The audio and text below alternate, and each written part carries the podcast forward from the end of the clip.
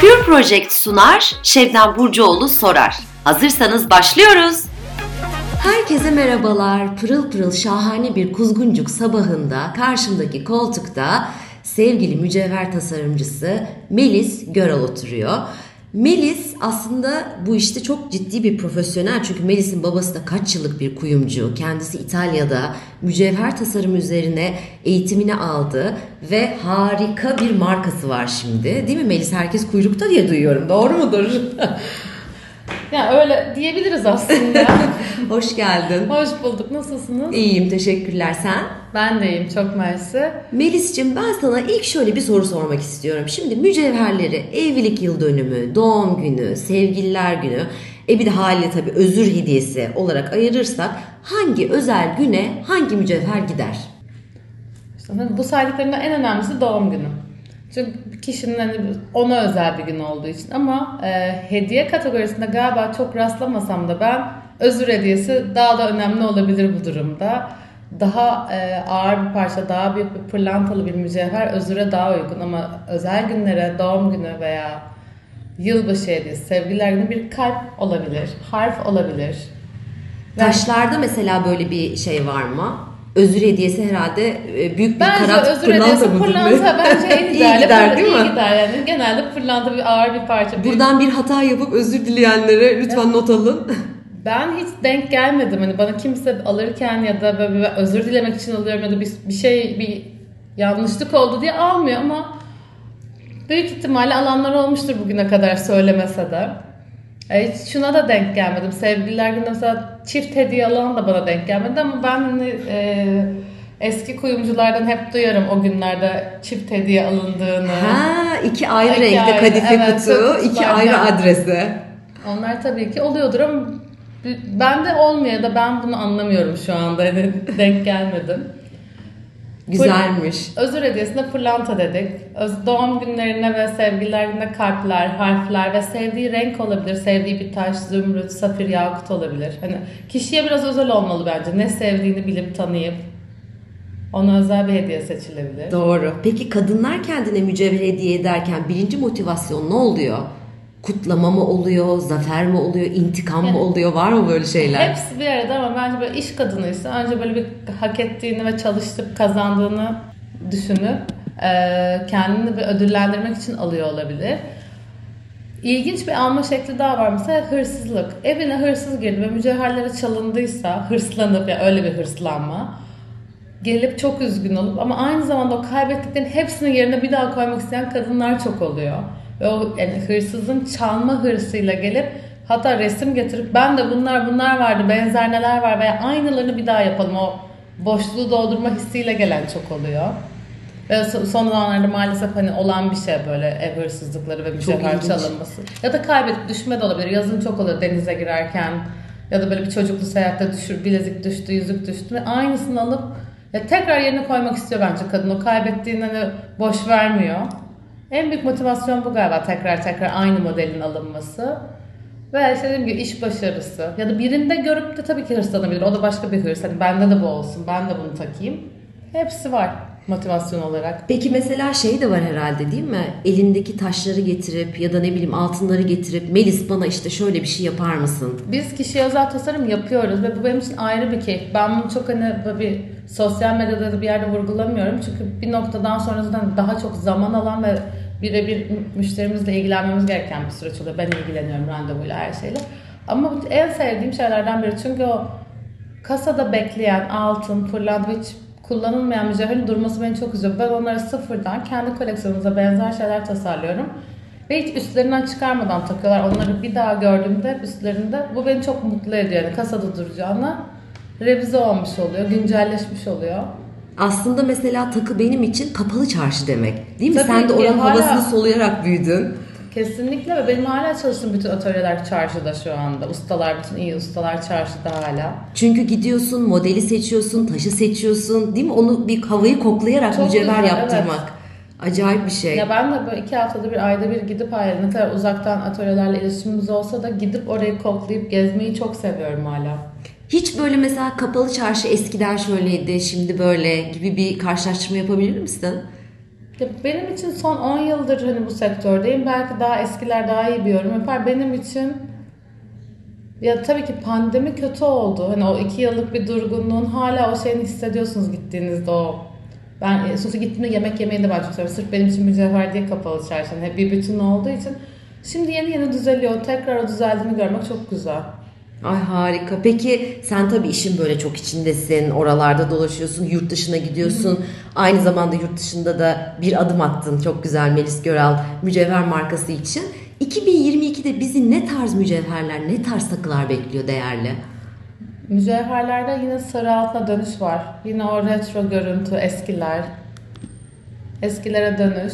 Ee, bence şu an şöyle bir şey var. Modada olduğu gibi herkesin bir stili var artık. Yavaş yavaş mücevher stili de oturuyor. Nasıl kıyafette varsa. Bence kimisi o pırlantanın o görüntüsünden hoşlanmıyor. Daha böyle e, tasarımı farklı, değişik olsun diye almak istiyor. Kimisi rengine, yarı değerli taşları ya da doğal taşların rengine bayılarak alıyor.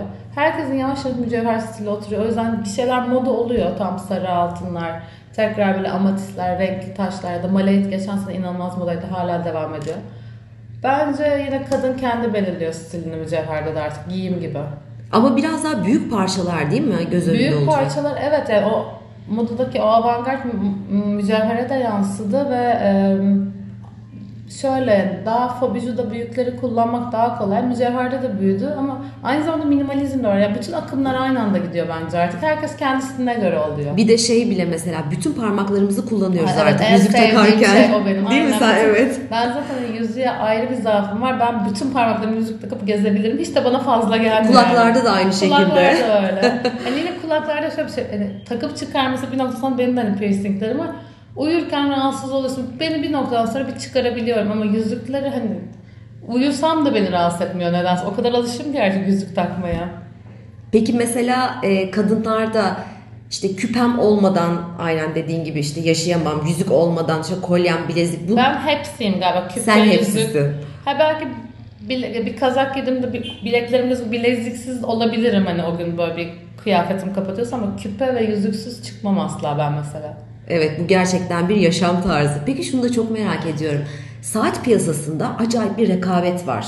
Değil mi? Yatırımlık saatler var. Kesinlikle. Ee, bayağı hani dolar gibi oldu, aynen euro gibi oldu. Mücevher piyasasında da böyle yatırımlık mücevherler var mı? Tabii ki. Sen inanılmaz- bunu al da hani ne olur ne olmaz ileride kullanırsın diye. Kesinlikle var ama hangi kategoride baktığınızda bağlı. Mesela inanılmaz özel tek taşlar da var. Yani çok nadir bulunan onları alıyorsunuz. Sonrasında yıllar sonra değerleniyor. Çünkü bir daha çıkmıyor o madenden. o. Bir, öyle bir tek taş piyasası var ayrı. Bir de Nereden çıkıyor mesela? Hangi Af- madenler? genelde Endobirsin madeni olan Afrika'daki Kimberley diye bir yer var oradan çıkıyor. Genelde hani Afrika'dan çıkıyor pırlantalar. Zaten o hani o madencilik teknolojinin artmasıyla da daha iyi taşlara ulaşılabiliyor. Daha farklı ama o büyük eskiden çıkan o çok büyük kıratlar artık çıkmıyor. E zamanında hani çok daha az çıkıyor onlar ve çıkmış. Zamanında krallara, kraliçelere, birilerine hediyeler edilmiş zaten. Onlar şu anda çoğu müzede nasıl bizim kaşıkçı elmasımız var. Şu anda da öyle çok nadir pırlantalar müzede veya kraliyet ailesinde oluyor genelde. Peki yatırımlık mücevher Evet. deyince Eskiden mesela altın çok yatırımlık mücevhermiş. İnsanlar genelde taşlı parçadansa altın ağır parçalar alırmış ki bence çok doğru. Mesela şu anda altın çok yükseldi. Bir 20-30 yıl önce aldığınız altın bir zinciri şu an değerlendirdiğimizde ciddi karlı bir yatırım olmuş oluyor. İyi bir pırlantayı aldığınızda da kar edebiliyorsunuz. Yani doğru parçayı alırsanız. ama mesela zümrütte, e, safirde çok öyle olmuyor değil mi? Yine özel bir parçaysa çok nadir ve zor bulunmuşsa bu dünyada sertifikası çok özelse yine değerlenmiş oluyor ama aslında tabii bir pırlanta altın kadar değil borsası. Mesela pırlanta bana daha fresh geliyor, daha genç geliyor. Ama elmas böyle biraz daha sanki bir yaş üstü yani. Sen elmasla pırlantayı karşılaştırdığında Bende de o his var ama elması da çok güzel modern tasarlayan e, mücevher tasarımcıları var. Ben mesela genelde elmas hiç kullanmıyorum ama çok beğendiğim elmas tasarım yapan, modern tasarım yapanlar var. Bence bizim ülkemizde Osmanlı'dan kalma elmasın daha klasik bir görünüm var bizim aile büyüklerimizden de gördüğümüz o elmas böyle çiçek formları da Osmanlı stiline kaydığı için bence bizde öyle bir e, Algısı. algı var. Yoksa normalde bence elmas da çok modern olabiliyor. Senin yurt dışındaki markalardan böyle heyecanla takip ettiğin ya da tasarımcılardan öyle isimler ya da markalar var mı? Tabii ki var bir sürü isim var ama yine işte kesin unuttuklarım olacak sayayım. Mesela e, Nikos Kulis'i herkes çok be- beğeniyor. Çok güzel taşlar kullanıyor. Tasarımları çok güzel. E, Selim Muzar'ını çok beğeniyorum. Bence şey Türk stiline de çok uygun renkleri, detayları. Bir de şimdi markalar demişken şeyi de merak ettim. Ünlü, ünlü mücevher markalarının sahteleri de değil mi ortalıkta böyle sıkça dolaşıyor. Ne olacak bu sahte mücevherlerin sonu? Ya bence bu tamamen kendinle alakalı bir konu. Tabii ki sahteleri çok var ama ben mesela sahte bir mücevher ve başka bir moda parçasını almayı kendime yakıştırmadığım için ama bence mücevherin de e, alıp rahat kullanabiliyorsanız o tamamen sizle alakalı bir konu. Benim de mücevherlerimin gümüşü veya altın. Görüyor musun sahelerini? Ya maalesef görüyorsunuz. O zaman demek ki beğeniliyor gerçekten. Evet, bir, de öyle bir açı, da öyle bir, çünkü. bir açı, öyle bir açı var yani. Hani o pozitif bakmaya çalışıyoruz. Beğeniliyor ki yapılmış değil. Yani ama insan başlarda yani şu an alıştım da ilk başlarda bir sinir oluyorsun. Buna bu kadar emek verdim, çizdim, düşündüm bu benim tasarım. Hani sahipleniyorsun şimdi zamanla hani dünyadaki iyi markaların çoğu taklit edildiğini görüp bununla baş edemeyeceğini de anlayıp bir noktada. Ama yine kendimi arada tutamayıp böyle çok tanıdığım biri yapıyorsa bir e, mesaj atıp ya da telefonla arayıp görüşüyorum kendileriyle. yani Yani. yapacak bir şey yok tabii. bir de Melis bu takı tasarımcılığı, mücevher tasarımcılığı çok popüler olmaya başladı son yıllarda. İşte bir dönem mesela dekoratörlük çok popüler oldu. İşte bir dönem kendi giyim markanı e, sürdürülebilir olmak çok çok zor bir şey ama baktığın zaman evet popüler olabilir yani herhangi bir iş ama takı tasarımcılığında sürdürülebilir olmak için ne yapması gerek bu yola baş koymak isteyen bir insanın? Kendini ve markayı sürekli yenileyip dönemine ayak uydurması gerekiyor. Sonuçta her sezon bir koleksiyon çıkabilir ya da moda değişiyor. Ee, modayla beraber yaşam tarzı değişiyor, süreç değişiyor. Ayak markanın sürekli kendini yenilemesi ve ayak uydurması gerekiyor. Bu koleksiyon olarak da olabilir, markanın duruşu olarak da olabilir. Sosyal medya sayfası da olabilir. Sonuçta çok hızlı bir dünyadayız artık. Ayak uyduramayan markalar yok olmaya başlıyor zamanla. Çünkü yerinde sayıyor. Artık dünya öyle bir dünya. Belki eskiden bu okeydi hani bu dünya için. Çünkü dünya çok daha yavaştı. Ama şu an büyük markalara bile baktığınızda sürekli fotoğraf çekimi, video çekimi, reels'lar, işte galalara giydirme, bitmeyen bir hareketlilik var. Yani Bunlara da çok ciddi bütçe ay- ayırıyorsun değil mi?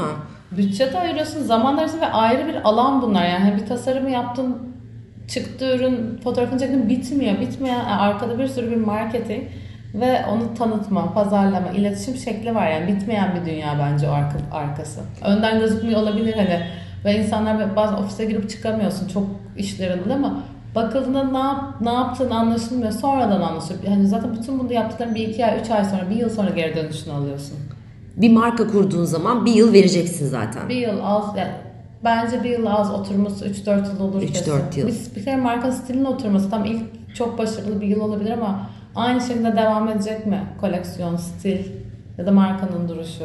Peki sen mesela yurt dışına çıkmak kararında adım olarak Londra'ya attın adımını. Bir Londra- sebebi var mı bunun özel olarak? Ondan öncesinde Las Vegas fuarları vardı. Amerika'da vardı aslında ve daha önce Paris Moda Haftaları da var. Aslında Londra'daki yemek basınla buluşma yemeğiydi ve çok keyifliydi. Ee, uzun zamandır görüştüğümüz ve beğenildiğini bildiğimiz için Londra'yı seçtik. Oradaki markalarla görüştük. Oradaki mücevher piyasası nasıl? Çok böyle kızışmış durumda mı? Markalar rekabette mi?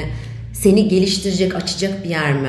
Kesinlikle bütün piyasalarda olduğu gibi öyle ama Londra bence e, şu an işte dediğim gibi maalesef iki yıldır uyuyan bütün piyasa uyandı ve çok hızlıyız şu anda. Hani Yetişmeye çalışıyoruz. koşmaya başladık. Ya benim için çok keyifli ama resmen böyle hani yürürken koşmaya döndü. Londra'da da global bir yer olduğu için ve alışverişe dünyanın her yerinden herkes geldiği için hani oranın bence bir e, modanın kalbi, mücevherin hani kalbi de diyebileceğimiz bir noktada nasıl Paris öyleydi yıllarca. Şu an Londra'da öyle. Çok global ve çok insanın gelip gittiği, uğradığı bir şehir artık. Her marka sahibi insanın hayalidir tabii. Paris'te bir dükkan açayım, işte Londra'da bir dükkan açayım. Peki kolay mı böyle gidip de yurt dışında markanın merhaba ben geldim deyip tanıtmak? Kesin- kesinlikle değil. Öncesinde e, markanın için sana yardımcı olan insanlarla çalışman gerekiyor. Çünkü o piyasa... Oradaki yerelleri değil mi bulman aynen, lazım? Oradaki e, lokal markettekilerin seni biraz markanı önceden biliyor olması gerekiyor. Yoksa merhaba ben geldiğimde hiçbir şey ifade etmiyor onlar için. Ne kadar güzel bir tasarım bile olmuş olsa. Önceden bir kere markaya bir kafalarında oturtmaları ve güvenmeleri gerekiyor.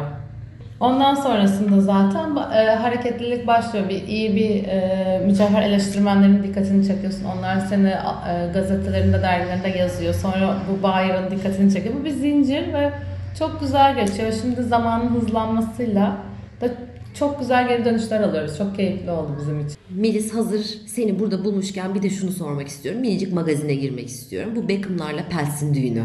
olaylı Neydi o takılar? Aynen olaylar olaylar. Ee, Nikola'nın annesinin kolyesi kaç karattı? 94 karattı ve çok özel bir parçalardı. Çok çok güzel bir kolye. Ben sadece küpelerle yakıştıramadım. Çünkü mesela o kadar özel ve güzel bir kolye ki zaten pırlantası çok özel alınmış. Onu e, daha sade bir şekilde takmasını ben tercih ederdim. O küpeyi hiç takmadan ya da çok küçük bir küpeyle. Victoria'nın kolyesi çok güzeldi. Retro güzel bir zincirin ucundan sağlanması çok zarifti bence. Şimdi düğünlerde de gelinler daha sadeliğe gidiyor değil mi? Sadece bir gelinlik bir kolye ya da bir gelinlik bir küpe. Ben şöyle söyleyeyim, mücevherde bir parça iddialıysa ve büyükse diğer parçalar onun önüne geçmemeli. Hepsi iddialı olunca bir yarış oluyor ve bu sefer artık gözümüzü yormaya başlıyor. Kolyeniz iddialıysa küpe daha küçük. Küpe çok iddialı güzelse kolye daha zarif sade olmalı. Evet bu da evleneceklere buradan tavsiyemiz olsun. Değil mi? Evet. Harika. Sana bu güzel serüveninde başarılar diliyorum. iyi şanslar diliyorum. Benim de konuğum olduğu için çok teşekkür ediyorum. teşekkür ederim. Çok, Çok keyifliydi keyifliydi. seninle sohbet etmek. Biraz sonra biz şimdi kahvelerimizi alacağız. Melis'le daha fazla laflayacağız aşağıda. Sizleri çok öpüyoruz. Görüşmek üzere. Bay bay. Bay bay.